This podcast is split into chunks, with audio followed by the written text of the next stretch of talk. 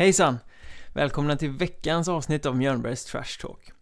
Den här veckan med en av Hockeyettans mer meriterade spelare kan man säga, för David Tuppen Fredriksson har bland mycket annat vunnit dubbla SM-guld och blivit fransk mästare. Men nu är det HC Dalen i Hockeyettan som gäller och den närmsta dryga timmen kommer vi snacka mycket om HV71-andan som spelar över på division 1-föreningen, om att plötsligt vara en ledande spelare istället för en brunkare och om lämpligheten i att värva en massa kanadicker till Hockeyettan. Men vi ska givetvis också snacka om Tuppens minst sagt jobbiga skadehistorik och eh, om att plötsligt tackla sig till ett gäng matchstraff. För att då inte tala om en gång när han fick en rejäl skopa av Pelle Gustafsson. Vill ni önska gäster eller ha synpunkter eller något annat sånt där spirituellt så vet ni att ni kan mejla till mig, mikael.mjornberg.se Ni kan hitta mig på Twitter, det heter attmjornberg eller så söker ni på Facebook, där har vi Mjörnbergs Trash Talk. Så heter sidan. Men nu är det dags för ett samtal inspelat i mäktiga Kinnarps arena. En timme och 20 minuter med David Tuppen Fredriksson. Trevlig lyssning. Då sitter vi här i eh, sponsorernas VIP-avdelning, Kinnarps Arena, eh, tillsammans med David Tuppen Fredriksson och Kinnarps Arena. Det är en, eh, en liten lokation som du känner till ganska väl. Ja, det är det. Jag har spelat här i från, jag kom väl från Dalen till, eh, till U15 ungefär. Eh, så från där till ja, 25-26 år ungefär. 25 kanske. Så har jag varit här. Så det, det, det är ett par år. Jag har gått här inne i väggarna. Vilket är ditt bästa minne från den här eh, arenan? Jag vet att du har varit här och vunnit SM-guld och allt möjligt. Men... Ja, jag har många bra minnen härifrån. Men just spelmässigt så, så är det ju gulden där. 2004 och 2008. 2004 vann vi på hemmaplan mot Färjestad med i en sista avgörande med 7-0. Ehm, sen har vi ett, eh, ett fint minne med oss från eh, 08-guldet där nu i, tror det var match 5 när vi vände och vann mot Linköping hemma. Eh, Lund med 2-0 tror jag. Vi vände och vann. Eh, då var det helt crazy inne alltså. Det var, en, det var nog den häftigaste matchen jag har spelat där inne tror jag. Det var utsålt i sista stol och alla alla bara jublade sönder arenan. Ja, så var det verkligen. Och så låg vi under med och så vi vände på ett sjukt sätt. Vi gjorde massa mål i boxplay och det, ja, det, var, det var fina minnen. Spelade du din bästa hockey då också? 2008 tror jag gjorde det eh, i HV. Eh, alltså på ja, proffsnivå om man säger så då. Eh, spelade nog den bästa hockey i 08 där. Jag fick ganska stort... Jag var skadad hela säsongen nästan. Jag spelade inte många matcher i grundserien. Eh, 30-tal kanske eller någonting. Eh, kom tillbaka och fick ganska stort förtroende av Kenta Johansson eh, i slutspelet där. Så att eh, då, då, det guldet 08 eh, är mig nog närmre det 04 för då var jag en, eh, en ung fimp eh, som eh, kom in i slutspelet från juniorlaget. Jag var skadad hela den säsongen också. Eh, kom väl in i match två i finalspelet tror jag. Så jag gjorde bara sex matcher i slutspelet. Ehm, så att det är 08 ehm, är med i Värmdö. Mm. Det, det, första guldet åkte du med, mer med liksom som CH-lärare?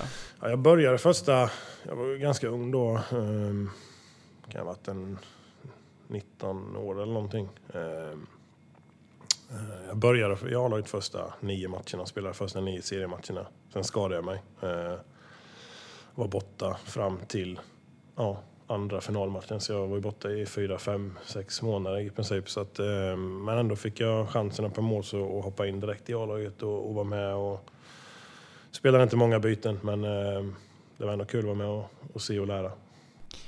Men det är några år sedan nu. Eh, nu är du i HC Dalen, spelar Hockeyettan, men eh, har du fortfarande ganska tät kontakt med, med HV som förening? Ja, det har jag. Eh, många är kvar sen, sen tiden sen tiden jag var här. Eh, och sen var jag här i, som jag sa, i runt tio år. Så det är klart att det är många man, om det är vänner för livet. Eh, de två sportcheferna spelade jag själv med i många år, Hult och Davidsson och eh, materialare och allt det här. Så att jag, jag har många bra minnen härifrån och jag trivs bra här också. Jag tittar mycket HV, följer HV väl och så. Så att det, det är många, många fina minnen härifrån. Ja du åker hit när du kan liksom. Ja, och sen hinner man leva i sin egna bubbla med jobb och, sitt eget spel. Så att, eh, det blir ofta att man kommer hem och kanske ser på tv då, men jag försöker se så mycket, så mycket livehockey som möjligt här inne. Eh, sen åker jag hit, tar en kaffe ibland med vissa och sådär och tjötar lite. Och, Hänger kvar i tugget ändå, liksom kring HV? Ja, inte, inte, ja, jag vet inte. Det är väl mer för vänskapen så, mer än vad det är HV. Ehm, men äh, det är vänner för livet, så att, äh, det är kul. Ja, men det blir en familj. Ja, det blir det. Ehm, Många säger att HV börjar bli en familj så att eh, man får väl hålla med. en följer i Färjestads spår här kanske? Ja men precis, jag, jag hörde det. men idag är det ju eh, ni som flyttar in i Kinnarps faktiskt. För eh, anledningen till att vi sitter i Kinnarps arena idag överhuvudtaget, mer än för att spela in podd, är faktiskt att eh, HC Dalen flyttar in här och spelar mot Troja Ljungby en match. Hur känns det liksom att vara tillbaka, inte bara i arenan utan på isen också? Eh, nej men det känns kul, eh, inspirerande. för för många att få komma hit och spela. Eh, nu är väl kanske de flesta i vårt lag, som vi har så många lokala spelare från bygden, eh, har spelat juniorlaget här i HV, så de har väl spelat här. Men det är kul för våran klubb att få synas ihop med HV. Eh, sen är det kul för Troja att få komma hit. Eh, jag kan tänka mig att det är många där som inte har spelat här och fått se den här arenan live och med omklädningsrum och allt, katakomber och allt vad det nu innebär. Så det, det är bara positivt och det ska bli kul att spela här ikväll. Är det en av de bättre arenorna som du har spelat i? Ja, nu kanske jag är partisk, men... Eh, det får man vara. Ja, nej, men vi, HV har ju alltid bra med publik. Så är det ju. Även de här sista fem åren när det har gått lite halvknackigt så har de ju ändå haft fullsatt. Och tittar du runt i Hockeysverige så har ju fan inte ens Skellefteå fullsatt. Liksom. Så det, det, det, är en speciell känsla att spela här. Publiken sitter nära oftast bra tryck. Eh, fansen eh, bjuder ofta på tifo. Så det, det blir... Eh, jag vet att HV-spelarna tycker det är kul att, spela här och det är som bottenlag tufft att komma hit också. Idag blir det kanske lite annorlunda då? Ja, det blir nog inte fullsatt. Nej, men det, det kommer bli... Vi ska vara glada om vi får tusen kanske. Sådär. Men det, det, det är en bra PR för våran klubb. Mm. Men nu kommer jag här och stör dig mitt på matchdag inför här. Hur ser det egentligen ut? Hur, har du några sådana här matchdagsrutiner som du alltid går igenom innan, innan en match? Jag har haft det innan, eh, när jag hade hockeyn som jobb och, och eh, då hade jag det. Eh, men nu jobbar man ju själv eh, eh som säljare på dagarna. Eh, så att nu kan jag inte styra det på samma sätt längre. Eh, och sen så är det ju någonting som egentligen bara sitter i huvudet också. Det här med matchrutiner och, och sådär. Sen eh, är det nog absolut inte fel att ha det. Men eh, jag känner inte att jag har ett jättebehov av att ha just specifika matchrutiner så. Utan eh, speciellt inte så jag kommer hem till Dalen när man jobbar vid sidan av. Men när du hade det innan, vad, vad, hur kunde det se ut? Vad, vad gjorde du? Nej, men saker och ting går ju av, av, automatik när man har det som jobb. Alltså du, du samlas ju runt, vi samlades här runt ja, 11 på förmiddagen. Tränade 12 till halv ett. Käkade lunch i restaurangen här vid ja, ett, halv två. Sen åkte man hem och sov. Sen träffades vi några gubbar alltid på ett fik här centralt i Jönköping och tog en kaffe och en eh, bulle vid fyra. Sen åkte vi upp tillsammans vid fem. Sen är det de vanliga förberedelserna med uppvärmning och allting som det, vad det nu innebär. Så att, eh, eh det var väl det jag hade. Men kaffe och bulle var viktigt? Ja, det, ble, det, blev, det blev viktigt i alla fall. Vi, vi började med det något år där och sen, sen hängde det i. Eh, sådär, och det var mitt bland folk och allting. Så det, men det, var, det blev så. Det var alltid samma fik och, och sådär. Och, och alltid samma spelare? Ja, det var det. Det var... Jag kommer inte ihåg vad det var. Liv Davidsson, Petrasek, Melin. Eh, Familjen helt enkelt? Ja, det var familjen. Eh, nej, men det var, det var ett gött Falk var ofta med och sådär. Så det, nej, det var ett gött gäng. Men nu är det HC Dalen i alla fall och som du sa precis så eh, ni har ju mycket HV-prägel. Det är mycket killar som kommer dit och, eh, och som har skolats i juniorleden här. Du är en gammal HV-profil som nu är där och är lagkapten. HVs nuvarande tränare Johan Lindbom var tränare och sportchef de senaste säsongerna. Nu är det Pelle Gustafsson som är där. Mm. Eh, det är ju en väldigt tydlig HV-prägel på det sättet. Att det, att det är sportsligt är fördelaktigt, det förstår man ju för att de har fått en bra utbildning här. Men det måste ju också vara alltså, ur PR-synpunkt för klubben. Ja, eh, absolut. Jag menar, eh, man ska ju veta att jag är ganska stolt över vad klubben är idag. Eh, till skillnad från vad den var för 5-6 år sedan när klubben kanske var en medioker division 2-klubb, låg i mitten, fick kvala neråt något år och dålig ekonomi och ingen riktig ordning på organisationen. Eh, sen kom Lindbom in som har ja, en väldigt bra erfarenhet från, som spelare själv, både i elitserien och, och NHL. Eh, sen kom ju han in och, och satte en prägel på hela föreningen. Gjorde en röd tråd genom allting. Eh, för efter sin karriär så var han ju på kansliet här i HV också. Eh, så han visste ju hur, hur det funkade. Och man måste, det är klart att det inte bara är han, men han är en stor del av vad föreningen är idag. Eh, han har ju fått i ordning på allting gällande ekonomi, det sportsliga, ungdom och allting. Och han snappade upp det liksom? Ja, vad jag har fattat det som så, så har han varit den som har liksom ja, gjort väldigt mycket i föreningen. Eh, sen kom, blev han ju A-lagstränare också då och gjorde det bra. Ehm, sista tre åren har det gått spikrakt för, för A-laget men även för, för ungdom. Ehm, och där har vi fått in Peter Eriksson från HV71. Han har alltså 30 år från erfarenhet från, från HV71 som ungdomschef här. Han är ungdomschef hos oss idag och eh, folk hyllar ju han där inne. Så han gör ett fantastiskt jobb hos oss. Eh, så att eh, de här HV-profilerna, de, de, vet ju vad, vad, det, vad, de vet vad saker och ting innebär. Så att eh, för, för våran klubb är det internt väldigt, väldigt bra. Men det är som du säger också en väldigt bra PR för, för, för klubben utåt sett.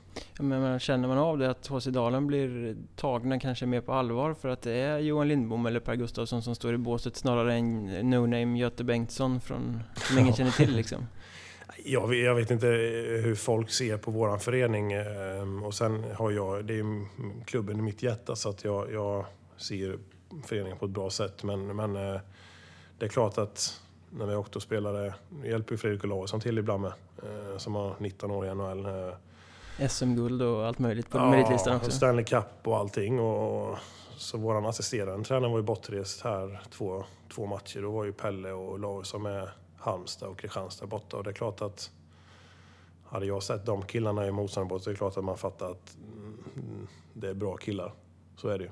Men blir inte de egna, alltså du har många unga lagkamrater som kanske tar sin, gör sin första säsong på seniornivå, så här, blir inte de lite starstruck om man kommer in där och så, oh fan, nu ska de här coacha mig liksom? Ja, jo men så är det ju. Det blev ju väldigt bra när Pelle, när Pelle blev klar för oss, först och främst, så, så uh, Lindbom var ju också sån. Alltså, folk såg ju upp till Lindbom. Lindbom är stor i den här stan. Eh, men Pelle är ju minst lika stor och färskare också. Alltså, hans tröja hänger ju i taket. Så att när Pelle blev klar så var det många som verkligen kände oj, speciellt backarna då också. Eh, oj, det här kommer, det här kommer bli bra. Eh, och sen när Fredrik Olausson då ringde Pelle för ett par veckor sedan och var rastlös och ville komma och hjälpa till. Och då, då var det ett par killar som och även jag med. Jag respekterar Freddie jättemycket. Eh, både som spelare men framförallt som människa. Eh, så att eh, det är bara positivt för oss, absolut.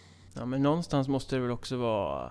Alltså det är klart att de har hur mycket som helst att lära ut Eh, det är jättepositivt att vara i en miljö med så mycket kunskap, men någonstans en liten osäkerhet från början också. Så att, jag vill fan inte göra bort mig framför Pelle Gustafsson nu. Alltså, tänk om man tycker jag är kass och säger att jag ska sluta. Ja, ja men så är det ju. Ehm, man har också märkt i år, alltså många har haft Lindbom nu i laget i ja, tre, fyra år. Ehm, och har en och samma tränare. Det, det är ju inte så att du kanske det ligger på spelaren själv såklart, men, men eh, det är klart att man höjs när man får in en, en ny tränare. Och sen ska man veta att Pelle är en tränare som hatar när folk lojar.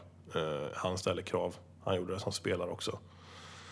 Uh, han kan skälla ut folk eh, om folk inte kör uh, och inte gör sitt bästa. Så att, uh, det har man märkt på träningarna att det är mycket bättre fart i år än vad det varit de andra två åren jag varit där. Det är liksom respekt man vill visa upp sig för honom? Ja, det är det. Alltså han... Ehm, ja, det är det. Alltså, eh, när man själv vet hur han var som spelare med liksom, och var den största krigen av oss alla. Eh, så, så ehm, vill man ju på något sätt visa det inför han också såklart.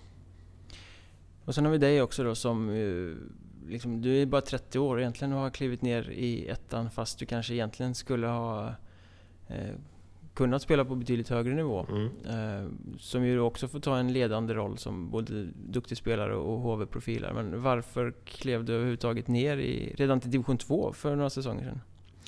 Nej, men jag kände, alltså, jag kände sista åren att jag, jag spelade hockey på grund av fel anledning. Jag spelade hockey för att det var mitt jobb och för pengarna. Eh, och den sanningen kom ifatt mig ganska fort när jag började känna så. Eh, det gick ganska bra för mig när jag, ja, från 18, 17, 18, 19 år började jag väl kanske blomma på allvar. Eh, I juniorlag, i landslag och blev draftad och hit och dit och sådär. Kom upp i A-laget ganska, ganska tidigt också. Eh, men sen när jag väl skulle blomma ut i elitserien så, så var det mycket skador. Eh, jag tror jag var i A-laget i sex säsonger och har bara 170 matcher. Så det tyder väl på att jag, jag, jag var ju på... Du var skadelistan lika ja, ofta? Ja, mm. om inte mer. Eh, så jag fick alla de här åren då jag skulle liksom ta nästa steg från junior och ung talang kanske och, och blomma ut och bli nästa, ta nästa steg. Jag fick alla de åren. Eh, för jag skadade mig hela tiden när jag väl började spela bra. Ehm, sen efter, efter det stack jag ut till Södertälje eh, något år och sen jag kände att karriären liksom, att den var inte riktigt där jag ville.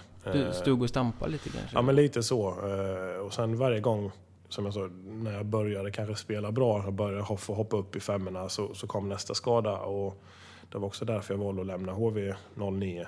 Ehm, jag bara kände att jag måste få en ny miljö. Jag måste få testa något nytt. Och då stack jag ut till Södertälje. Elitserien där. Eh, gick väl bra till en början. Spelade en del med eh, Videll och, och i andra femman där och, och sen kom ännu en skada, en hjärnskakning och var borta nästan en, två månader. Och då, kände, då, då började jag liksom, okej, okay, vad är det jag håller på med liksom? Vad, vad, vad är det som händer? Ska det vara så här? Ska det vara så här? Jag börjar liksom inte, jag börjar liksom bli gammal nu sådär och då kände jag väl att, nej, nu måste jag testa något nytt. Så stack jag över till USA. Då började jag upp i AHL. Eh, gick bra första matcherna. Eh, sen på träningsmatcher då, får jag säga.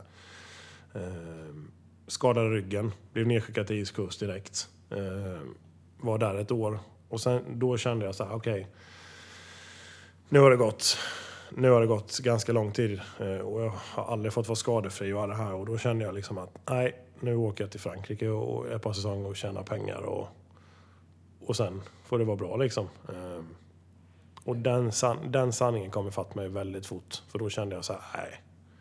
I november månad i Frankrike bara kände jag så här, vad fan gör jag här? Det var inte roligt liksom? Nej, men jag, jag tyckte inte hockeyn var kul då faktiskt. Jag, jag, kände liksom att nej, det, det gick för mycket emot mig. Ehm, jag kände att jag orkade inte hålla på med rehaben år ut, år in. Eh, få träna extra. Ändå bara kände att jag halkade efter alla andra. Eh, så då kände jag någon gång i Frankrike där att nej. Och så då var också Dalen på väg upp. Eh, de, var som, de har gjort det på bra säsonger och då kände jag så här, nej jag tycker inte det är värt det att ligga ute nio månader på år på den här nivån som jag är på. Eh, hade jag varit på elitserienivå fortfarande, eller liksom i NHL, eller var, alltså självklart. Eh, men på den nivån jag var på då kände jag så här, nej jag tycker inte att det är värt det. Eh, du var, kände du också att du inte var så bra som du ville vara kanske? Ja, det är man. Jag har spelat i Frankrike eh, och har spelat i elitserien kanske sex år och sen helt plötsligt är man i Frankrike och åker runt i arenor som Hockeyettan egentligen. Eh, så då kände jag så här, ligga borta och gå miste om så mycket här hemma också i, Sverige, alltså med nära och kära och sambo vänner och allting så kände jag så här, nej jag tycker inte att det är värt det. Eh, plus jag tyckte inte att hockeyn var kul då. Jag gjorde det av fel anledning och det var pengarna. och den sanningen kom ifatt en väldigt fort. Då valde jag att flytta hem och jag kan säga det idag att det är det bästa beslutet jag någonsin har tagit. Jag kom hem och fick tycka hockeyn är kul igen. Det har gått bra de här tre säsongerna, eller två säsonger jag har varit, inne på den tredje nu. Ehm, så att jag ångrar ingenting och hockeyn är, den är fan roligare nu än den varit någonsin. Är det som att du har liksom hittat passionen igen då? Du säger att du tappade den mm. för att det var för pengarna, utan mm. nu spelar du mer för att eh, du älskar sporten? Ja, exakt. Alltså nu jobbar jag, alltså det tar ju sån tid att spela i Hockeyettan eh, jämfört med vad jag gjort innan. Eh, just man har jobb och allting och det tar mycket på, på en kroppsligt, mentalt och, och liksom åka och träna efter jobbet. Liksom. Eh, men, jag, men jag tycker jag åker med ett leende varje dag till träningarna och älskar att komma och se gubbarna och köta skit och träna hårt och, och försöka nå framgång. Och, så att äh, hockeyn är, den är riktigt rolig just nu. Hur tycker du att hockeyn är rent sportsligt i, i Hockeyettan? Om du, jag menar, du har ändå varit i Allsvenskan, du har varit i SHL, du har varit utomlands. Hur står sig den här söderserien där ni är med och krigar? Nu var det på år sedan jag spelade i SHL. Eh, den har säkert utvecklats sedan jag var där. Den blir tråkigare? Jaha, lite så kanske. Det händer, det händer mindre.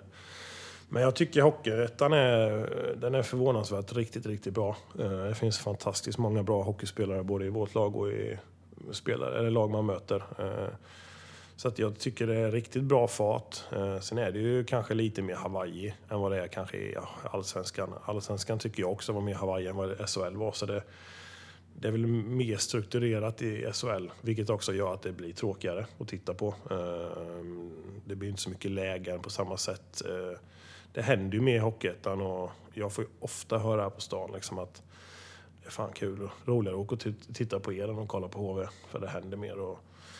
Men överlag så tycker jag Hockeyettan är riktigt, riktigt bra. Är det någon skillnad på klimatet ute på isen, eh, SHL kontra Hockeyettan? Alltså hur spelare beter sig, hur det snackas, hur... Eh, alltså sådär. Nej, det vet jag inte. Det, det, det, vet jag inte om, det, om jag tycker att det är. Eh, det är väl samma som det, som det alltid har varit. Det är vissa som åker runt och tuggar och, och försöker få folk i balans och, och sådär. Så det, men det var likadant i SHL. Så det, Hockeyn är universal, det är liksom bara olika, olika kvalitet på spelare. ja, så är det. Eh, men vilka är de bästa egentligen som du har fått spela med under den här ganska långa karriären ändå, så här långt? Mm. Uh, ja, men jag, jag, jag, brukar ofta, på den frågan brukar jag ofta ställa, säga Johan Davidsson. Uh, svårt att missa honom eller? Ja, det är svårt att missa han och sen uh, men det är också många. Pelle var också väldigt, eh, väldigt duktig och eh, Freddie Olausson var duktig och sådär. Men jag spelade med Johan eh, väldigt, väldigt länge.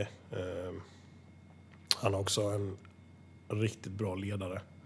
Det är den absolut bästa kapten jag någonsin har haft. Eh, men han, han, jag gillar han för att han var liksom den, han var våran bästa spelare offensivt. Men han var också den som alltid tog i mest. Eh, och det tycker jag mm, det, det, tyder på vem han var som spelare. Alltså, när jag åkte runt som 90-åring och, och liksom trodde att man var någonting och då åkte han och tog i mer än vad jag gjorde. Eh, skulle det hända idag så alltså det, det finns ju inte på kartan. Så att, eh, Johan Davidsson var nog den bästa jag, jag spelade med, tror jag. Kan du se i Hockeyettan nu också då, så här liksom att när du åker och möter andra spelare eller spelar i ditt eget lag att du ser att oh, oh jävlar, här har vi en riktigt duktig spelare. Han borde kunna prestera och finnas på en högre nivå. Ja, alltså nu är jag väldigt dålig på namn i Hockeyettan. Jag, jag känner inte till um, alls många, uh, tyvärr. Men jag ser att många är duktiga, jag ser att många har, har det i sig. Uh, om man ska veta det, alltså, alltså, det är väldigt små marginaler till att gå från Hockeyettan eh, upp till Allsvenskan och få det här som, som ett proffsliv. Ehm, men man ska också veta att det, det, det gäller att lägga ner tiden. Alltså, det, det gäller att ja, lead by exempel. Liksom. Alltså, du måste, och det är inte bara på isen utan det är omklädningsrummet. Du måste vara en bra karaktär. Du måste vara en ledare. Du måste träna extra. Du måste liksom ge energi till laget. Du kan inte bara ta energi. Alltså det, det är många delar som spelar in. Eh, nu för tiden så värvar man också inte bara efter hur spelarna är själv utan vad man är för karaktär och hur man passar in i grupp. Och tittar du på hur vi försöker värva i Dalen nu så Pelle är ju... Han tittar ju först på karaktär i princip. Sen måste du ha in bra spelare såklart men så att, eh, det, det, är viktigt hur du är som person också för att lyckas. Eh, men jag ser många bra spelare så att det är bara, det är bara att kriga på och, och kämpa och så, så är jag övertygad att folk kommer att gå, gå högre än Hockeyettan. Mm. Men du säger att Pelle ställer höga krav. Du pratar om lead by exempel. Känner du att du själv har varit sån genom karriären också eller hur har det sett ut? Nej, varför garvar du? Nej, det, är, Nej, jag... det, det är kanske en, icke väl bevarad hemlighet att du kanske var en slacker från början? Ja, nej men det, det stämmer helt och hållet. Jag Mm, som ungdom eller som junior när jag kom upp i PA-laget så, så tyvärr så var jag en spelare som gick genvägar. Eh, jag la inte ner det lilla extra. Eh, jag, eh, ja, det gick väl kanske för fort från J18 med landslag och med draft och med HVs A-lag och för fort. Ehm, så att jag, jag, mm, vilket är någonting jag verkligen ångrar idag. För tittar du tillbaka på vilka jag hade runt omkring mig då med Stefan Liv, Davidsson, Pelle G, eh, Petrasek. Alltså det här var elitens bästa spelare och ändå var det de som körde hårdast i gymmet. De bidrog mest i omklädningsrummet. De kämpade mest på isen. De täckte mest skott.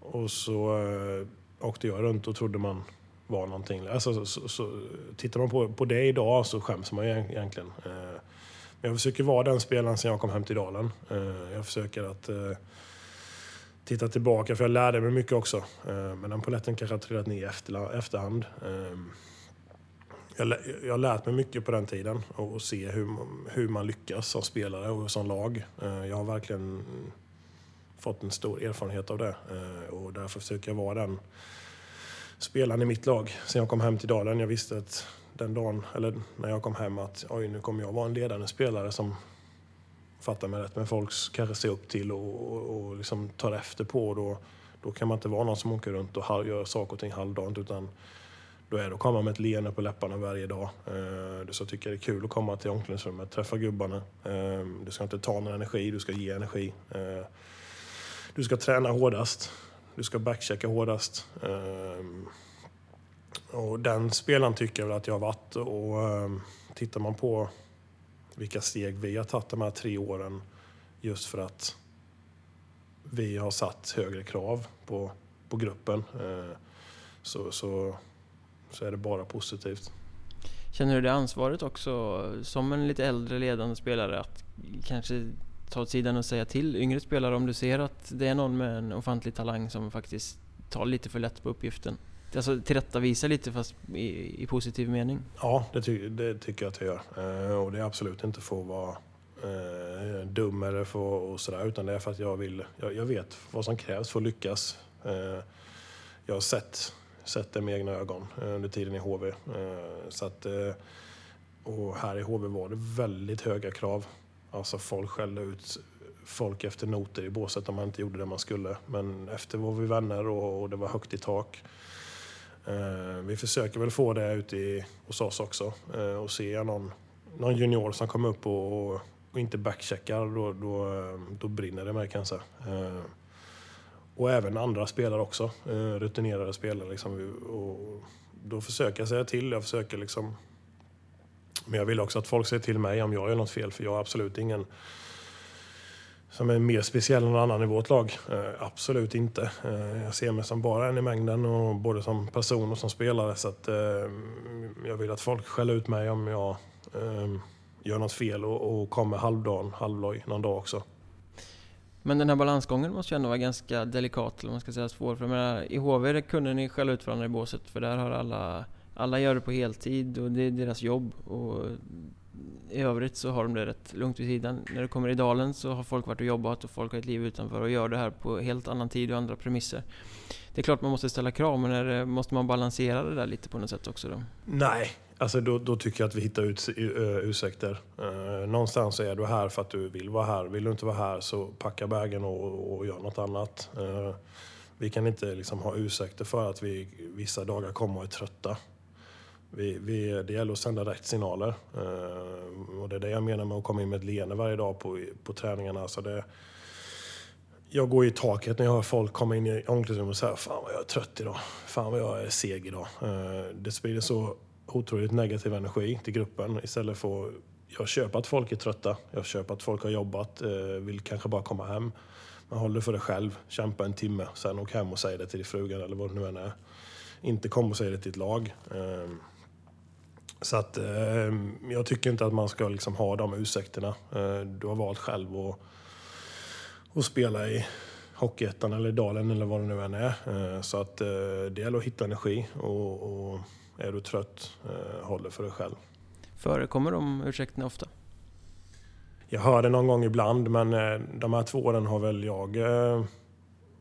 Nu är det inte bara jag, ska vi säga, eh, utan det har funnits många bra eh, andra som, som också har tyckt likadant och som har jobbat med det här. Men just med att sända rätt signaler har vi jobbat med i tre år. Eh, jag lärde mig det av Per Mårts. Per Mårts jobbade jättemycket med det. Och nu när Pelle har kommit in också, som också jag vet gillar det här med att sända rätt signaler och kroppsspråk så har vi börjat jobba ännu mer med det. Eh, eller jobba ännu mer, men det, det, det faller ganska naturligt. Alltså det, det, det, här med negativ energi och positiv, det, det gör så mycket i en grupp. Ni har blivit mer medvetna om det? Liksom.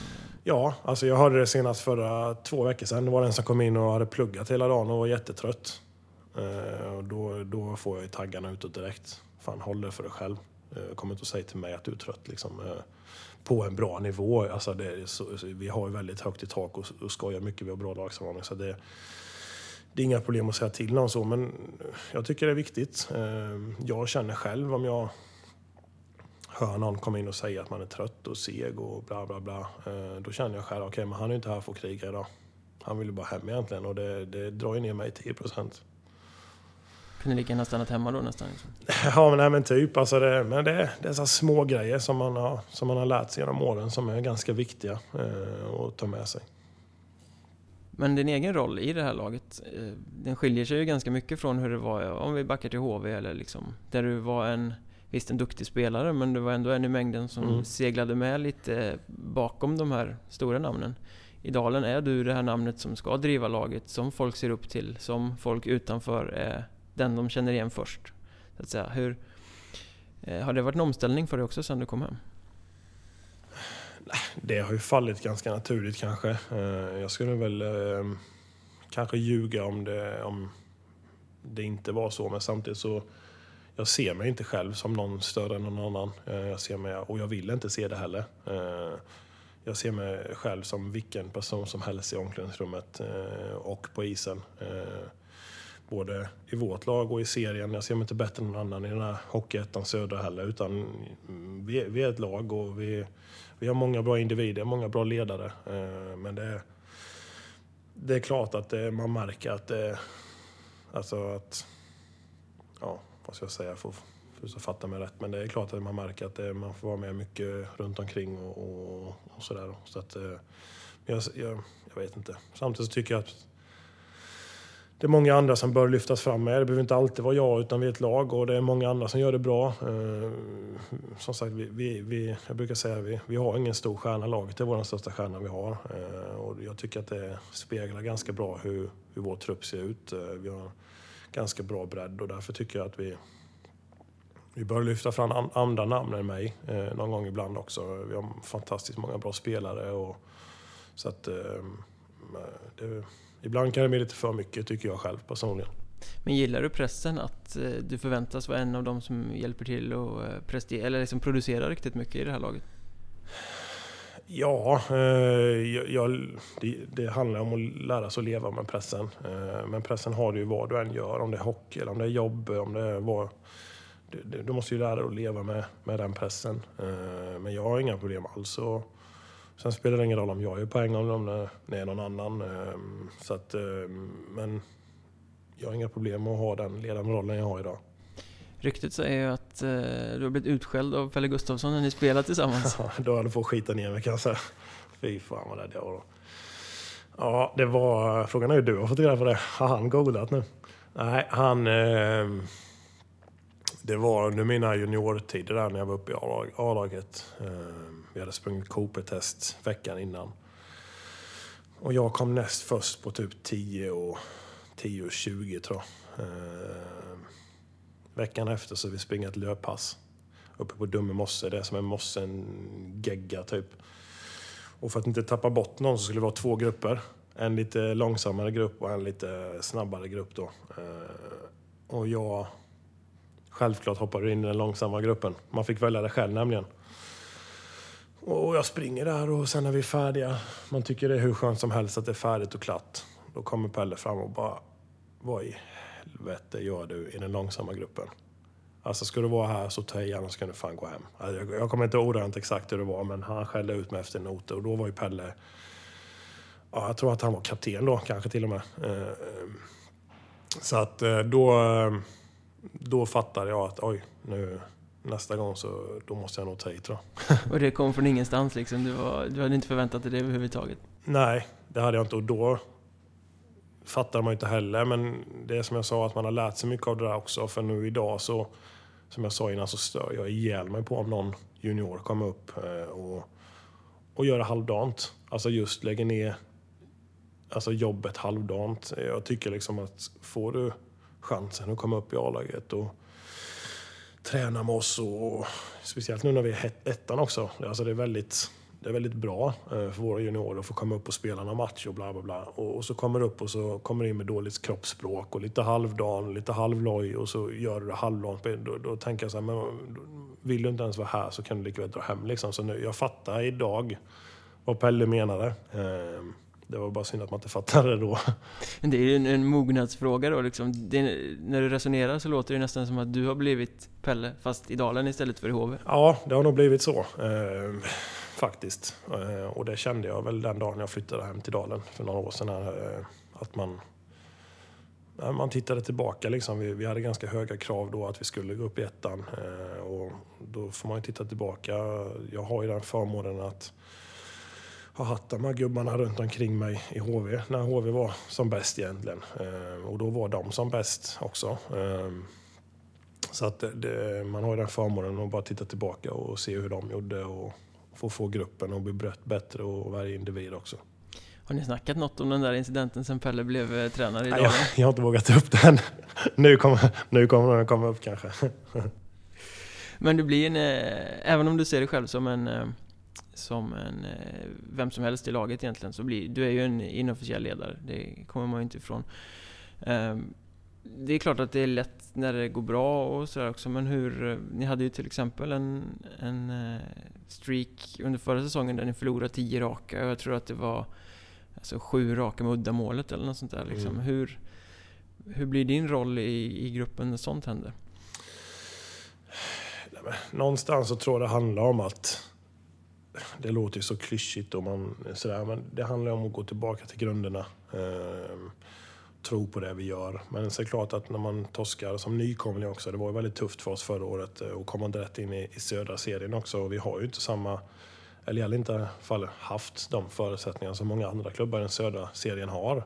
Som inte har något annat än hockey i sina byar. Eh, vi har ju så mycket annat att konkurrera med med HV och Södra och det är handboll och det är innebandy och allting. Så då blir det ganska tufft. Eh, så att eh, men jag lärde mig också mycket som ledande spelare förra året som jag kunde titta tillbaka på i somras när jag tänkte på det sådär liksom. Och, och det var just att kanske ställa lite högre krav.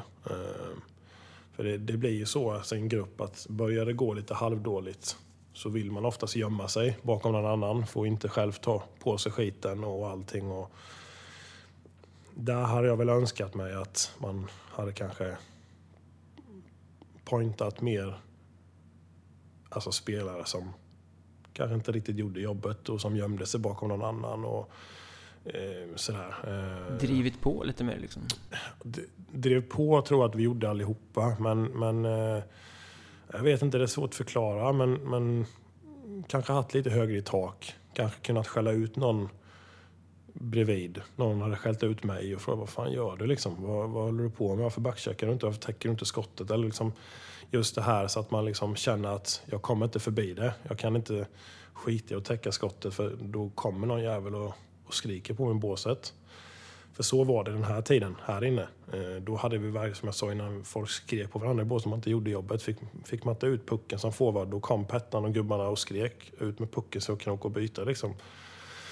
Och det hade jag väl önskat att vi kanske hade lite högre i tak. Eh, men samtidigt så var det första gången för många och kanske var en sån sits. Eh, det var ett ganska tufft bottenlag. Eh, så att samtidigt så lär man sig alla, eller misstag ska jag inte säga att det var, men man lär sig av allting och förmodligen vet vad vi ska göra om vi skulle hamna där någon annan gång. Ja, jag menar det. Så att om ni, om ni förlorar tio raka i år igen, nu är ju laget så pass starkt så det ska väl inte behöva hända. Men om ni hamnar i den sitsen så kommer du vara hårdare, liksom, eller stå, stå starkare. jag ska inte säga att det är jag, utan jag tycker att vi i så fall ska kanske lite sådär eh, och, eh, ja, kunna ställa lite högre krav och, och, lite sådär. För det var kanske lite för puttinuttigt förra året då när vi väl var i de här situationerna. Eh, för det var, det var en tuff tid. Hade du med dig någon form av erfarenhet in? För jag menar, när du var i Hovre gick det ju bra givetvis, men sen jag menar, du har varit i Södertälje och du har varit i Tingsryd och när du var där så var väl det knappast lag som gick som tåget och säsonger som var klang och jubelföreställningar. Så att jag menar, du har ju varit i lag som har gått lite knackigt tidigare. Ja, men då kan man också titta, då, då var ju inte jag den ledande spelaren jag kanske är idag. Eh, och det är lite det jag vill po försökte poängtera att då gömmer man sig gärna bakom någon annan och, och puttar över. Som i Södertälje då, då fick Klasen och Videll och de här ta det ansvaret och liksom så där, istället för att man själv hade kanske gått i bräschen och liksom sådär. Så att det, det, är liksom, det är det jag menar, att man, det blir oftast man gömmer sig lite. Och den, jag var ju inte den ledande spelaren i varken Södertälje eller HV. Eh, så att, då blir det att man inte kanske man känner liksom inte att det spelar ingen roll riktigt vad jag gör. Eh, för det är ändå de där som ska göra det. Så, ja, de, har, de har ju tappat gruppdynamiken på Lite sätt. så. Ehm, så var det verkligen i Södertälje med. Vi hade väldigt dålig lagsammanhållning och det var, det var inte mycket som var bra där. Förra året hade vi ändå väldigt bra, vi har haft väldigt bra lagsammanhållning de här åren. Ehm, så Dalen skiljer sig mot Södertälje där? Absolut, exempel. absolut. Ehm, så att vi hade fortfarande väldigt roligt eh, förra året eh, när vi kom till träningar och som, som grupp och allting. Och det var förmodligen det, eller ja, det var nog säkert det som gjorde att vi höll oss kvar, förutom kval till slut ändå. Men vad, vad, är det egentligen som händer när det blir bra kontra dålig lagsammanhållning? För det måste ju ändå vara väldigt, väldigt små grejer. Det är ändå ganska, alltså det är hockey ni sysslar med liksom. Ja, eh, nej men i Södertälje märkte man det. Eh, då gick det ju, då var vi i bottenlag och men det som händer då är att folk de gör sitt egna. Man umgås inte så mycket med dem i laget. Man eh, åker hem direkt efter träningar. Man eh, ja, går kanske och gömmer sig lite i omklädningsrummet och kanske inte bjuder på sig själv. Man liksom, det, blir, det blir liksom en lite tryggare stämning. Eh, liksom lite sådär, mm, och till skillnad från, från förra året i Dalen så höll vi ändå upp det. Och eh, jag tror att det är viktigt att det är därför det är så viktigt att, ha en bra lagsammanhållning i ett, i ett hockeylag. Mm. Ja, men det behöver inte specifikt vara dålig stämning, det kan bara vara att man inte bjuder till riktigt. Och så blir det svajigt. Ja, alltså bjuder till, men alltså det, det, det är klart att man behöver de här gubbarna som går runt och skojar och får, får gruppen att skratta och allting. Och när det går dåligt och det kanske går dåligt för en själv så känner man liksom kanske inte att Fan, jag gjorde en riktigt dålig match igår. Minus tre och var, liksom, gjorde två indianer. Då kanske man inte går runt och skojar dagen efter, eh, som man brukar göra. Vilket man kanske ska göra, för det som hände igår är ju historia. Utan nu måste vi titta på nästa match. Och, men av automatik så blir det kanske inte riktigt så, utan man, då går man och gömmer sig lite istället. Och, och då på sikt så blir det inget bra utav det. Men då har ni hittat rätt nu i alla fall? Ja, vi har fruktansvärt bra lagsammanhållning. Eh, men sen värvar ju vi också, Pelle, som jag sa innan, Pelle värvar ju mycket på karaktärer och hur man är som människa. Eh, han har nog, ja, från tiden i HV här så har han nog liksom fattat vad, vad som ger framgång. Eh, I tiden i HV hade vi 12-13 Jönköpingskillar när det gick som bäst. Vilket innebar att de nya som kom in kom in i gruppen hur lätt som helst och kände sig som hemma och det var lätt att komma in i det. Och man såg också att folk krigade för varandra. Eh, så försöker Pelle värva idag. Eh, och vi har idag 20 Jönköpingskillar. Två Nässjökillar som är 20 minuter härifrån, eh, men ändå bor i Jönköping. Då. Och sen har vi en Tranåskille då, så att vi... Det säger sig självt att vi har fruktansvärt bra lagsammanhållning.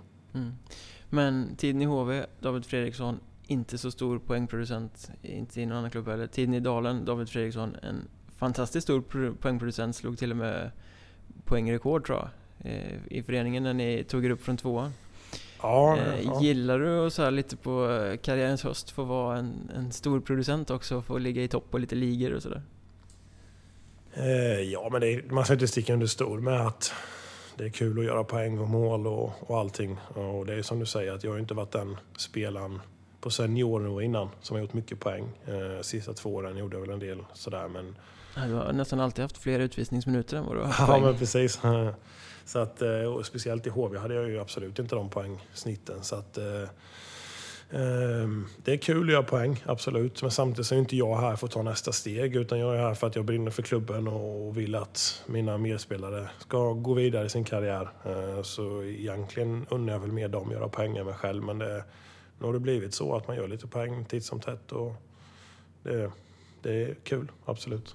Men är du bekväm i, i alltså bilden av dig från omgivningen är väl snarare att du är en ganska obekväm spelare som spelar tufft och, och, går in och liksom är jobbig för motståndarna. Är du bekväm i den, den beskrivningen av dig själv som spelare? Jag har ju lärt mig att leva med det. För den spelaren var jag ju eh, innan jag kom hem till Dalen.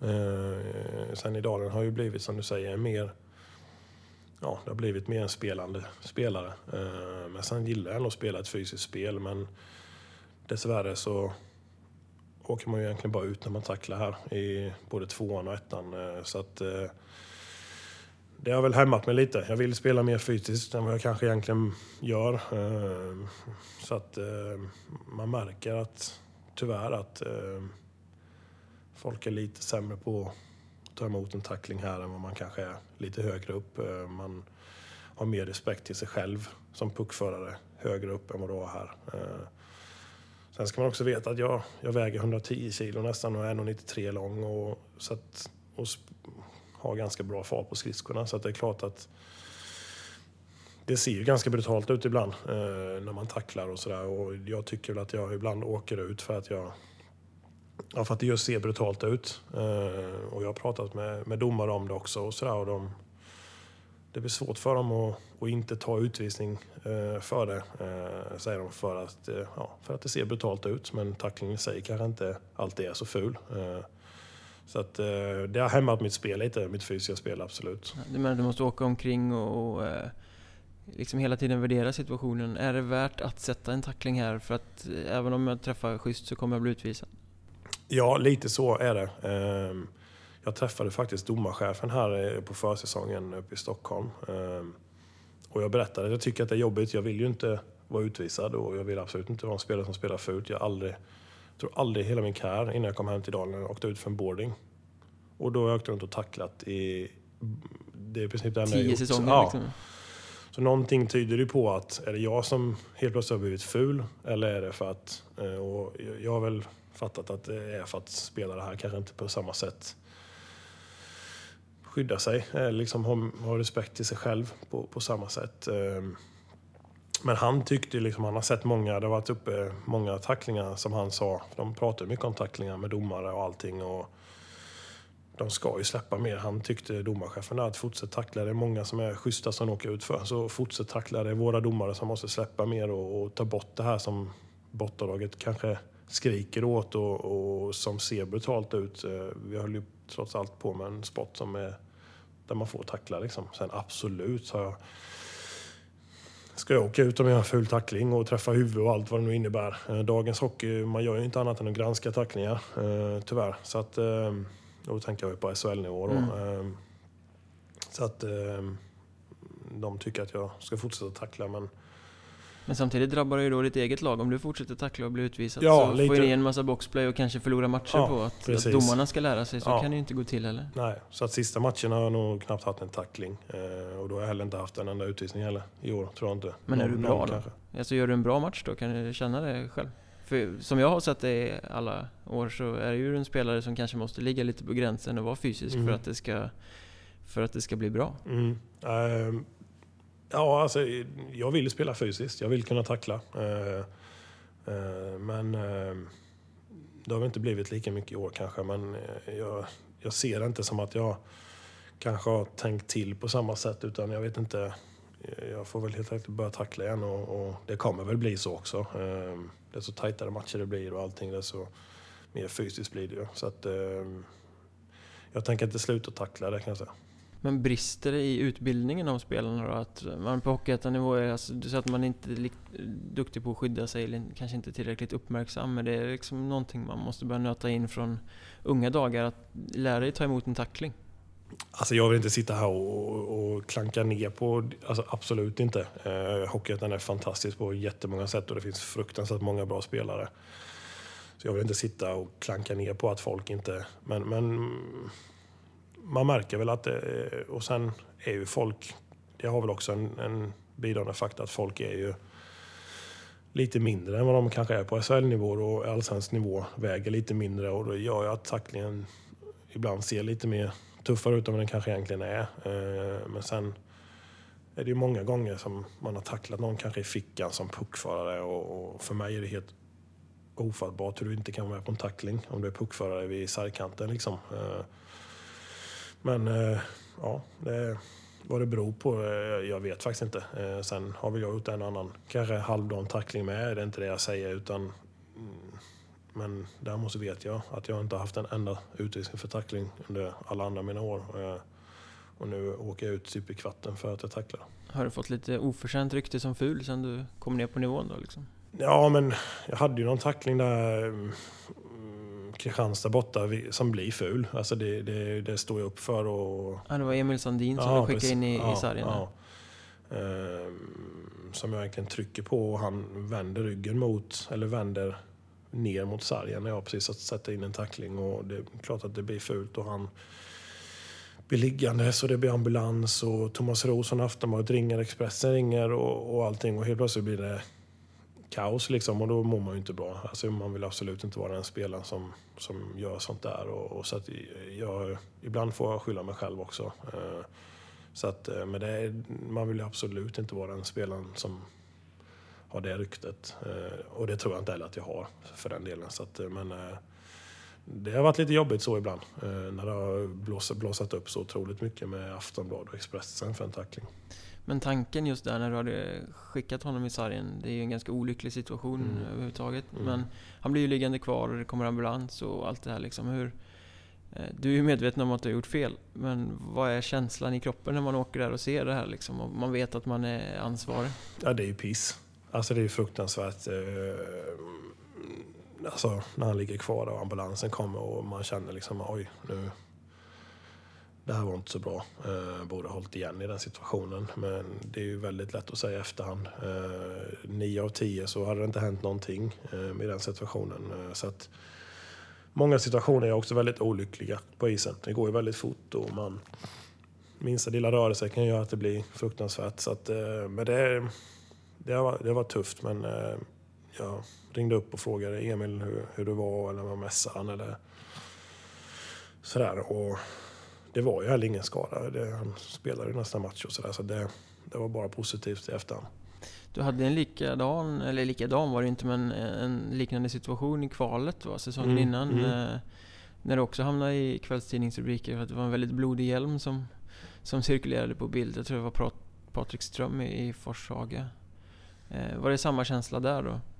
Ja, men den tyckte jag väl, den, den åkte jag ut på. Den blev stor för att visiret gick av och det låg blod på hela visiret. Eh, jag pratade med Claesson, domaren efteråt och Lindbom pratade med honom och i efterhand så tycker han inte att det är en utvisning. Eh, killen har pucken i, i fickan och är puckförare, lägger ut pucken men är inte med på att en tackling kan komma eh, när han är puckförare. Och är man inte, det är det jag lite menar med Alltså du måste vara med på att en tackling kan komma. Är du puckförare så måste du respektera dig själv. Alltså, så, att, eh, så, så kan det bli om du inte är med på en tackling. Alltså, förstår du vad jag menar? Alltså det, mm, är du inte med på det, då faller du väldigt hårt in i sargen. Och olyckligtvis så flög hans visir in i sargkanten och det gick av. Eh, så att, äh, det var också en tuff, tuff händelse. Äh, men jag ringde upp honom också och jag tror han spelade matchen efter också till slut. Så att det, eh, det är tyvärr sånt som händer. Kände du att det var lite hetsjakt på dig då? I, i det sammanhanget? Nej, jag vet inte. Jag, jag vet, bo, efter båda de här smällarna så om man, om man följer med i sociala medier eller sådär så har det ju från supporterhåll då givetvis skrikits väldigt högt ska stängas av resten av säsongen och det är liksom... Mm. Då är det ett överfall liksom sådär. Mm. Eh, är det inte inte liksom tråkigt att ha det där efter sig? Absolut. Det, det var väldigt jobbigt måste jag säga eh, att se sånt. Samtidigt så lägger jag ingen, ingen energi egentligen på vad andra tycker och tänker. Eh, så sätt speciellt inte fans. Eh, de är väldigt partiska också. Eh, Absolut. Men det viktigaste är att det går bra för killarna. Att vi får så lite skador som möjligt ute på, ute på isen. sen vad folk tycker och tänker, det, det, det är jag ganska van vid. Eh, alltså, från alla år. Eh, vad folk tycker och tänker om hur bra man är, hur dålig man är och getingar i... Alltså, så jag menar, Ja, ja, så den pressen är... Så jag, jag är ganska... Det rör mig inte så mycket så sätt. Men det är klart att jag, man absolut inte var vill vara någon ful spelare och, och skada folk. Absolut inte. Men fungerar det som bränsle också? Kan göra det här att folk tycker och tänker vid sidan av att man, man blir lite såhär, jag ska fan visa. Nej, jag, jag har faktiskt inte ens tänkt på de här situationerna någonting. Eh, eh, Det enda man tänker när det händer liksom det är att hoppas det går bra med killen. Eh, Det är väl egentligen det första man tänker och sen när man ringer upp och det är bra med killen så lägger man det bakom sig och tänker inte så mycket mer på det. Har du respekt på isen för andra spelare för att de vet att du tacklar? Nej, inte vad jag märker själv i alla fall. Jag tänker mer så här att någon kanske säger aj fan nu, nu är tuppen på isen, jag tar en extra båge, jag åker inte in i det här läget framför mål för då kanske jag får mig en kyss. Liksom. Nej, det tror jag inte. Eh, jag- ser mig inte själv som... Jag ser mig som vilken spelare som helst. Det är absolut inget eh, jag har lagt någon energi på eller någon tanke på. Men du ja, kommer tillbaka till det här att du måste ligga lite på gränsen och spela fysiskt för att vara som bäst. Du du har också den här balansgången där som kapten i laget och liksom så här. Du är bra när du tacklar men du gör ingen nytta om du hamnar på andra sidan. Är det också en tanke man har med sig när man... Eh, Nej, ja, lite så. Som kapten och som ledande spelare så, så kan det ju vara väldigt viktigt att göra ett par så kallade lindrosbyten och tackla igång och få igång gruppen och, och sådär. Och så att, eh, eh, mitt fysiska spel, det har... Jag vill spela ett fysiskt spel samtidigt som jag inte vill nu för tiden kanske lägga allt för mycket kraft på att runt och tackla heller utan som jag kanske är mer puckbärare eh, nu för tiden. Så att, eh, eh, men absolut vill man kunna fullfölja sina tacklingar och man vet att man vet själv hur, hur jobbigt det är att möta lag som fullföljer och spelar fysiskt. Vad är skönast? Att göra ett snyggt mål eller sätta en riktigt klockren tackling? Nej, det gör ett snyggt mål. Absolut. Det är mo- nu låter du så här mogen igen. Ja, Liksom, jag är ju lite 30 bast Men du, berätt, du pratade om det förut, du är väldigt skadeförföljd och, och sådär liksom. Tror du att eh, många av de här skadorna, är, att det har blivit så, är ett resultat av den spelstil som du har haft? Ja, eh, det kan det mycket väl vara. Eh, Det är väldigt svårt att spekulera i efterhand men sen har jag haft, jag tror sista, sista tio åren har jag haft fem, sex ganska allvarliga hjärnskakningar. Eh, Och hade man varit en spelare som inte spelar fysiskt så kanske man inte hade haft hälften av dem. Eh, Så att, eh, och sen knän och sådär, man ser ju spe- spelande spelare, om man säger så, eller poängduktiga spelare som får problem med knän och rygg och allting också. Så att, eh, jag vet inte, det är svårt att säga i efterhand men eh, det blir ju inte, kroppen tar ju inte mindre stryk om du spelar ett fysiskt spel, så är det ju. Är det värt det? Alltså det med all, alla krämpor och allting som, eh, som man får? Och, och spela fortfarande menar du? Ja. Ja, det tycker jag. Eh, Det, det är det verkligen. Eh, Sen har jag mina skavanker med rygg och lite sådär och som titt, och, titt som tätt kommer fram. Och då är jag bitter när jag kommer hem till gumman, det kan jag säga. Men det är absolut värt det. Alltså att få komma till träningen varje dag och träffa gubbarna och svettas ihop, det, det finns inget bättre. Det är liksom en, eh, vad ska jag säga, social verkstad också. Det är liksom viktigt för att må bra på något sätt. Ja, man har, man har, alltså hockeyn har varit den, kanske den största delen i sitt liv. Eh, Så att eh, jag känner absolut inte att jag är redo. Eller jag känner att jag har mer, mer kvar att ge eh, för klubben. Eh, Och så länge jag har det så kommer jag väl kanske fortsätta. Och sen nu i mars jag blir pappa för första gången med och då kombinerar det med jobb och och hockey eh, och så en liten litet barn på det så att eh, vi, vi, tar en säsong i taget här så får vi Du se. har att göra kan man Ja, säga. det, det kommer väl vara så förmodligen. Så att eh, vi får se lite hur, hur det blir där men det än så länge tycker jag det är riktigt kul i alla fall. Men vi håller oss kvar vid skadorna här så hjärnskakningar och knän och rygg och det är ju ändå ganska klassiska hockeyskador om man Mm. säger. Din värsta skada var väl egentligen något helt annat när du fick handleden upp, eh, uppskuren. Där hade karriären kunnat ta slut. Ja, det var ganska nära att den tog slut också tror jag. Eh, det var ju på en matchvärmning här, här nere i Kinnarps eh, som vi skulle åka och spela Södertälje borta tror jag. Vi tränade på morgonen. Jag tror Stefan Liv trillade. Jag trillade på han. Liket trillade på mig. Liket kom först därifrån och ska resa sig upp och stiger rätt på min handled eh, och snittar upp ja, i princip allt vad en handled innebär. Eh, dock på ovansidan, vilket var riktigt tur förmodligen. Eh, för det gick nio senor, muskler och allting. Jag såg ju bara pumpar i blod och så rätt ner i benet. Så att, jag får säga rysningar bara du pratar om ja, det. Det var en jobbig skada var det.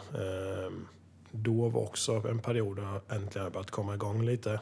Jag hade fått komma upp i tredje, femma och liksom fått göra det bra. Kände att jag var på gång. Sen fick jag en skada då. Där jag insåg att första sex månaderna hade jag kunnat inte spela alls. Sex månader är nästan en hel säsong. Det är över en hel säsong egentligen. Och då kände jag också så här bara, det är inte sant liksom. Vad är det som händer? Alltså det är ju en ren oturskada. Har inte jag redan haft mycket skador liksom? Tänkte man då. Det är inte rättvist. Nej men lite så. Samtidigt är det som jag, jag lever i nuet. Jag tittar oftast inte så mycket bakåt utan ja, så är det. Eh, operation blev och sex månader gick, kunde inte röra handleden. Ehm, den var i princip stelopererad. Eh, åkte upp till Linköping igen, gjorde en till operation. Och fick ju... Ja, innan den operationen så var det liksom... Kan jag spela hockey med det? Och det kunde jag inte då. För jag kunde verkligen inte röra på handleden då. Eh, gjorde en till operation ehm, och fick tillbaka i alla fall 50 procent av rörligheten. Så att min högra hand kan ju inte röra mer än 50 procent. Så att... Så det är inga snygga dribblingar numera? Nej, det, det har jag aldrig kunnat göra. men det blir inte mer efter den skadan kan jag säga. Nej, men... Det har, det har funkat ändå, faktiskt. Sen lär man sig att leva med det också. Men det var... Efter den andra operationen var jag väl borta i ett par månader till. Så att det, totalt blev det nästan ett... Ja, åtta, nio månader tror jag. Men du måste ju ändå ha ganska hjärnpsyke som tar dig tillbaka hela tiden från sådana här smällar. Ja, jag har något ganska bra psyke så. Alltså jag, som jag sa, jag tittar inte så mycket bakåt utan tittar framåt och ser möjligheterna. Så att... Men, men jag, jag minns, jag kommer inte ihåg exakt vilken skada det var, men jag, jag mindes något år liksom att fan alltså, nu är det jobbigt igen och se de andra gå på isen och träna och spela matcher och vinna och, och jag kör min rehab i gymmet liksom, alltså år efter år. Eh, så att eh, det kom till en period där, eh, förmodligen då jag kände att jag ville lämna HV för att ja, testa något nytt och få en ny miljö och hoppas på en skadefri säsong. Och liksom, då jag gick till Södertälje därvid. Och, sen kom hjärnskakningen där och allt bara fortsatte som, som vanligt i princip. Same att, procedure as last year. ja, men precis. Att, nej, det var, det var ganska tuffa tider. Du, när du fick den här skridskon över handleden, rädslan, kickar den in då när man, när man ser hur det pumpar och det... Ja, det gör det. Eh, sen på den tiden då har man ju läkare på plats och allting alltid. Eh, så att eh, jag vet att jag åkte till båset och satte mig och såg blodet börja pumpa med läkaren. Precis innan läkaren fick dit handduken och drog åt så kände jag väl att jag började domna lite sådär, liksom började sticka i fingrarna. Och, började försvinna lite sådär. Men sen drog han åt handduken och till ambulansen kom så, så gick det ändå helt okej. Okay. Sen hoppade jag in i ambulansen och fick morfin och det var min bästa tid någonsin i livet. Sen var det jättekul. ja. Jag fick vänta typ, eftersom jag var tvungen att ha en bra läkare då, var det en stor skala, fick jag vänta i tre timmar och det, jag brukar säga det var mina bästa tre timmar i mitt liv. Jag fick gick, gick på några små mål. ja, precis. Men, men liket, liksom, Johan Lindström är det då vi mm, pratar mm, om. Mm. Han måste ju ha haft råångest där efter, ja, efter det alltså, där. Nej, jag vet inte. Han, det var en ren olyckshändelse. Eh, så att eh, jag vet inte om... Eh, vi, vi brukar skoja åt ibland fortfarande sådär, men det, det, det ska han. Har han det så ska han inte ha det i alla fall, för det var en ren olycksfällelse. Nej men jag menar just, just i den situationen. Ja, menar. det, det får man ju, alltså, även om det inte var meningen så det är ju ingenting man vill göra någon annan människa. Ja, nej, nej, så är det ju. Eh, Men jag såg, det var många som fick panik när de såg, eh, såg vad som hade hänt. Och när jag åkte till båset där så var det många som, som fick panik och sådär. Så att, eh, men det, ja, det gick bra till slut ändå. Ja, men sen kom han till Dalen också, sa du till honom då att jag tänker fan inte träna tillsammans med dig. nej, vi var i samma femma med då, så det var... Nej, men det, han är en god kille så det, det har inte varit några problem så. Men eh, då är vi åter i Dalen liksom med HV-anknytningen där med Lindström och sånt. Finns det fler Mm. gamla HV-spelare tror du som kommer passera revy genom klubben inom den närmsta framtiden? Jag vet inte, vi var ju på Petrasek i somras här att Och och spela hos oss. Eh, men eh, vi får nog ge upp det hoppet tror jag. Eh, Han startade en restaurang här nu i, i eh, somras också. En tapasrestaurang som han lägger väldigt mycket tid på. eh, Som han startade ihop med Björn Melin här i HV. Eh, Så att eh, han ville inte signa på någonting tidigt i somras för han visste inte hur det skulle se ut i augusti. Eh, Men ingenting var omöjligt sa han. Eh, Så att, men eh, det, med förståeliga skäl så blev det ingenting, tyvärr. Kan bli en bonusvärvning efter jul sen. Ja, kanske man får- en, en rödtotta bak på blålinjen. Ja, det skulle ju skrämma skiten hur många motståndare bara har honom i laget. Ja, så är det. Han är en fantastisk ledare. Eh, fantastisk människa och eh, riktigt bra spelare också. Så att det, det hade verkligen kryddat. Men jag vet att du är en förespråkare för att Hockeyettan är en utvecklingsliga och eh, Mm. bland annat har varit ute och kritiserat lag som värvar in mycket kanadensare och sådär. Är det inte lite samma håll då att lyfta in en massa gamla före detta elitspelare som egentligen bara trappar ner? Nu sätter du, sätter du mig på väggen. Ja. Ja, ehm, eh, så, så kan det ju vara. Eh, men men jag, jag tänker också för, för klubbarnas bästa. Alltså, eh, Pettan är ändå härifrån och skulle trivas att vara här eh, i Dalen. Eh, så man kan bo kvar hemma med familj och allting.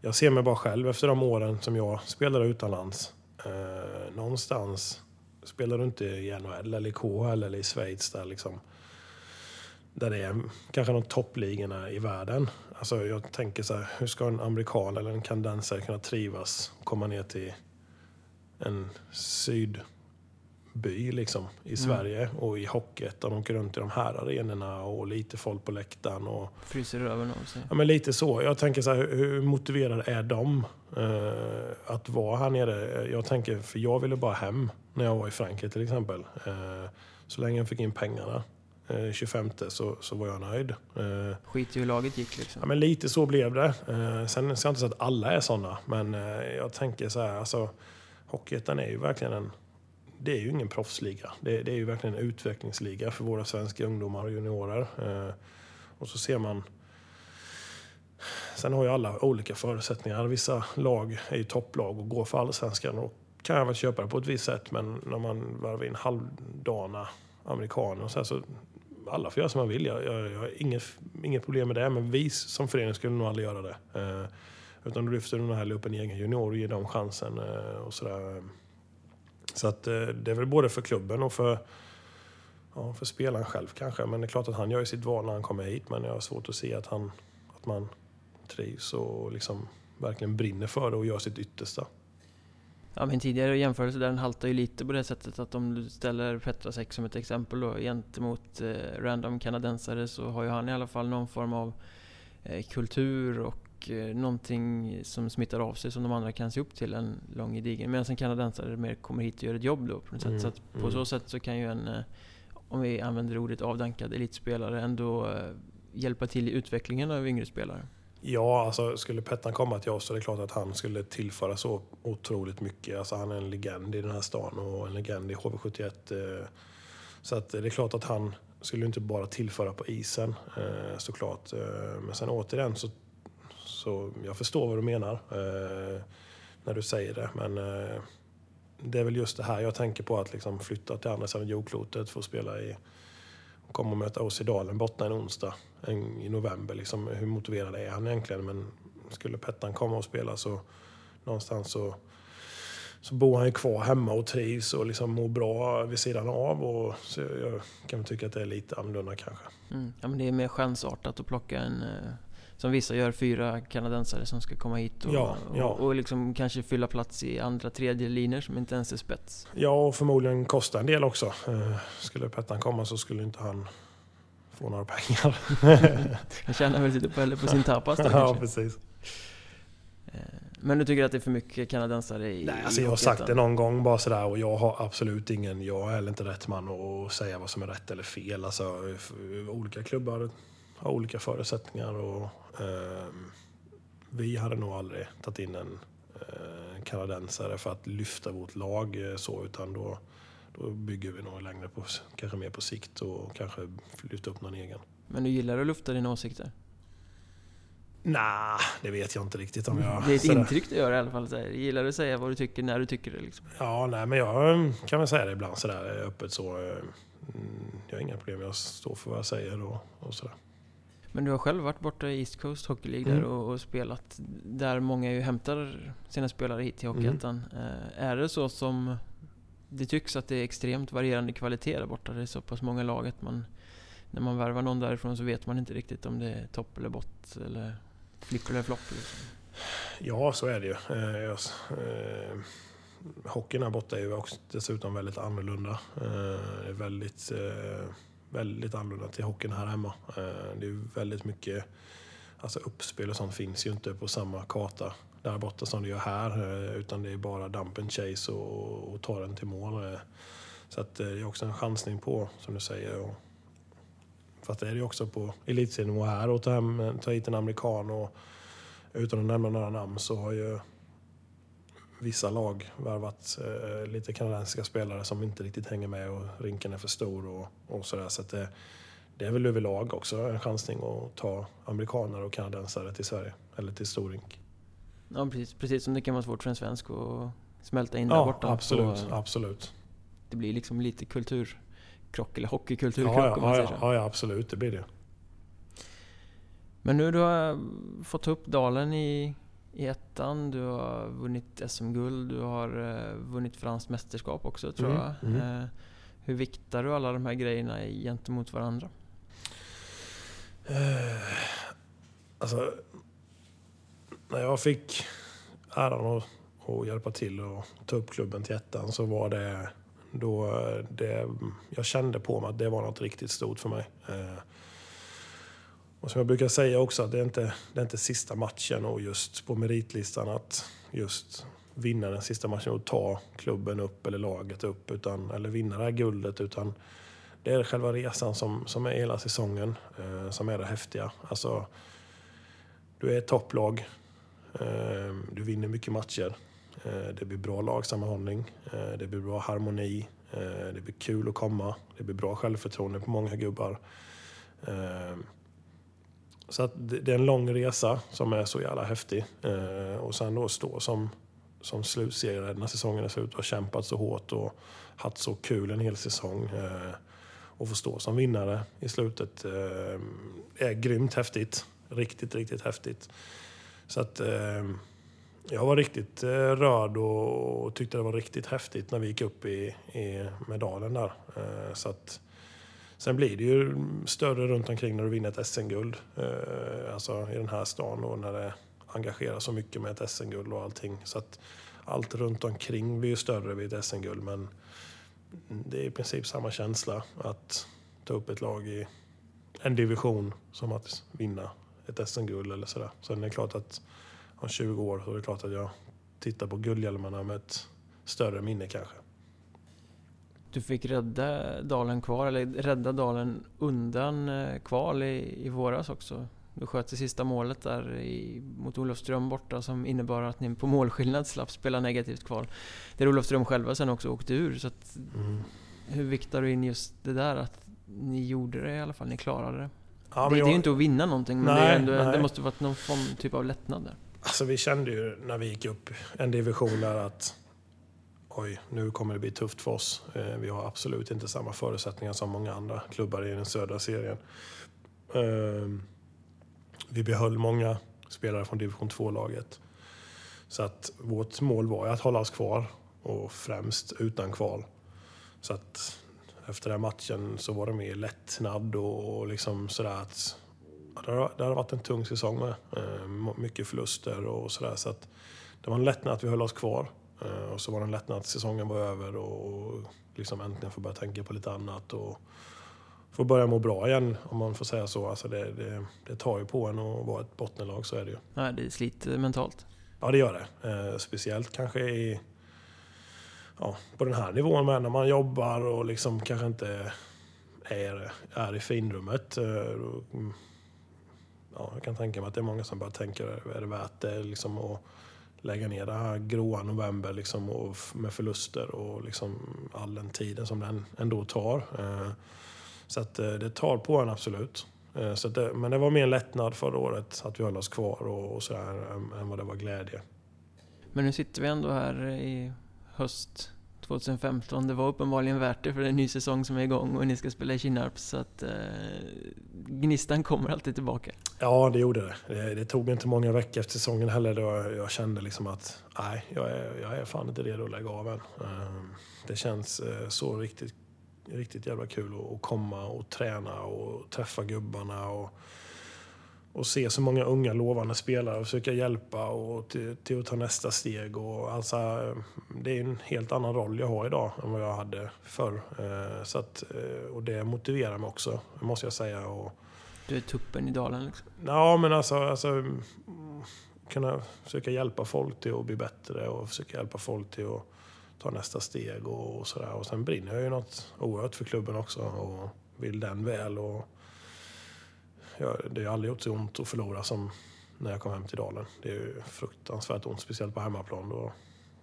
då ligger man sömnlös många timmar kan jag säga. Det är så att du har passionen för, inte bara för hockeyn, utan för föreningen som... Eh, oh ja, det är nog det som, det är ihop med att eh, försöka utveckla många unga spelare också och, och sådär. Eh, så det är nog en kombination med både hjärta för klubben och, och se många unga utvecklas och sådär också.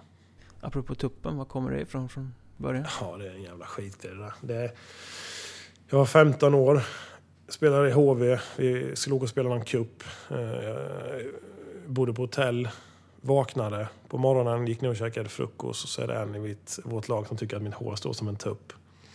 Så han säger tuppen en gång och sen börjar alla garva och sen säger, börjar tränaren kalla mig tuppen och sen efter det så har det bara hängt på nu. Jag reagerar knappt på David längre. Min Nej. sambo och mina föräldrar säger David, sen är det, det är inte mycket mer som... Till och med tidningar och sånt skriver inte mitt vanliga namn utan det är ju alltså... Så att det, det har verkligen hängt i, kan jag säga. Är det därför du kör med rakad skalle idag? ja, precis. Jag vågar inte. ja, nu får du utlova att odla mohikan ifall ni tar er upp till Allsvenskan med Dalen. Ja, ja, ja, det får bli en, det får bli en grej då. Grymt. Men då får vi hoppas att den här säsongen fortsätter bättre än vad den förra slutade, mm. eller den förra slutade ju ganska bra, men att ni, att ni faktiskt får vara med och kriga uppåt i år istället för neråt. Ja, eh, vi känner att vi har eh, en bredare trupp i år. Eh, sen som jag sa innan, där, vi har inte de här stora stjärnorna. Eh, som jag sa, att vi, laget är den största stjärnan vi har. Eh, vilket jag absolut inte har något problem med heller.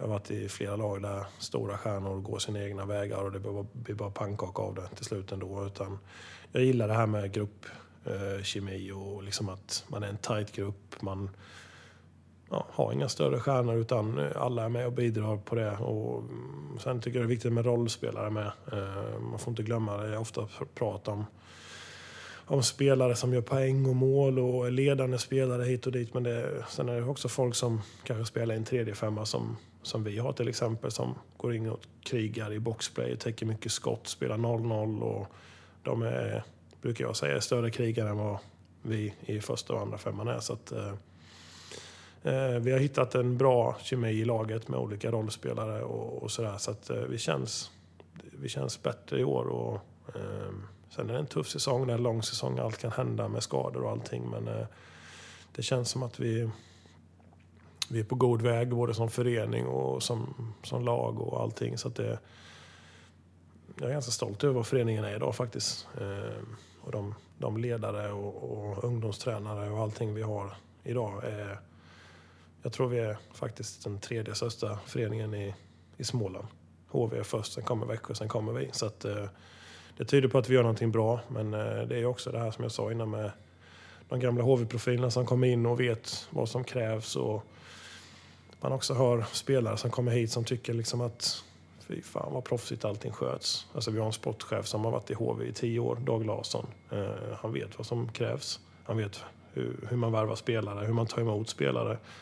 De spelarna vi har fått har ju känt sig oerhört välkomna och tycker det sköts proffsigt. Eh, så att eh, vi är på gång. Vi det känns, eh, jag känner mig stolt över modeföreningen just nu faktiskt.